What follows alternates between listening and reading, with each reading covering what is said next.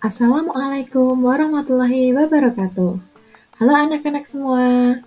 Selamat datang di dalam podcast mata pelajaran tematik kelas 6 dengan saya Vika Puspita Anggreni yang akan menemani kalian belajar di sini.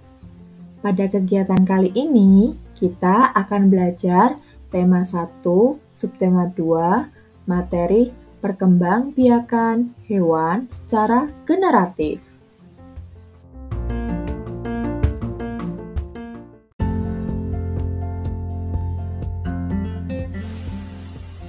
Coba amati hewan yang ada di sekitar kalian.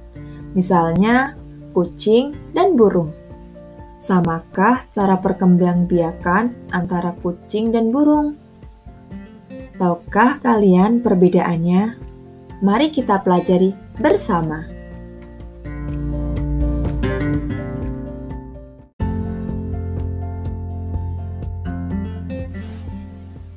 Hewan berkembang biak secara generatif atau aseksual dan secara vegetatif atau aseksual.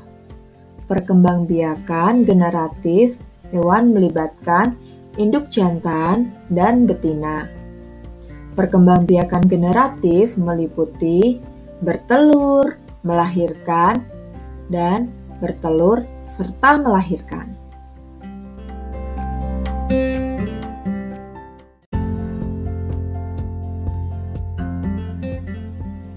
Pertama, bertelur. Cara berkembang biak dengan bertelur disebut ovipar. Hewan yang bertelur mengeluarkan telur yang berisi calon anaknya. Zat makanan yang diperlukan untuk perkembangbiakan janin diambil dari zat di dalam telur. Hewan-hewan petelur memiliki ciri-ciri di antaranya tidak memiliki daun telinga dan mengerami telurnya. Yo, sebutkan hewan yang berkembang biak dengan cara bertelur. Yaitu ada elang, ayam, bebek, katak, dan penyu.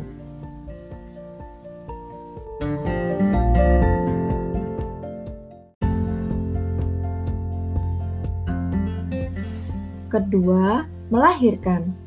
Cara berkembang biak dengan melahirkan disebut vivipar. Hewan-hewan yang perkembangbiakan dengan melahirkan memiliki ciri-ciri yaitu memiliki kelenjar susu, memiliki daun telinga, dan tubuh ditutupi rambut. Hewan melahirkan mengalami masa mengandung. Hewan tersebut mengandung janin anaknya di dalam tubuh. Zat makanan yang diperlukan untuk perkembangan janin diperoleh dari dalam tubuh induknya. Ayo sebutkan hewan yang berkembang biak dengan cara melahirkan atau vivipar. Hewan yang berkembang biakan dengan cara melahirkan atau vivipar antara lain kucing, anjing, sapi, kambing, lumba-lumba, dan landak.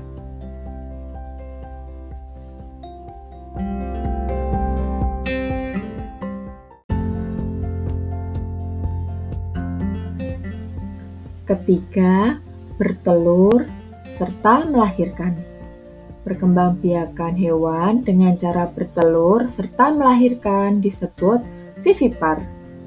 Contohnya kuda laut, ular buah, kadal, dan lain-lain.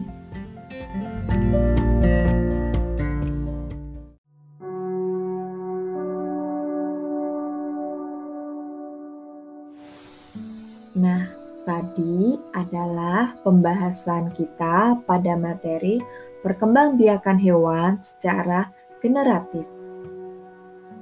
Kesimpulan yang dapat kita ambil bahwa perkembangbiakan hewan secara generatif atau seksual adalah perkembangbiakan yang melibatkan induk jantan dan induk betina.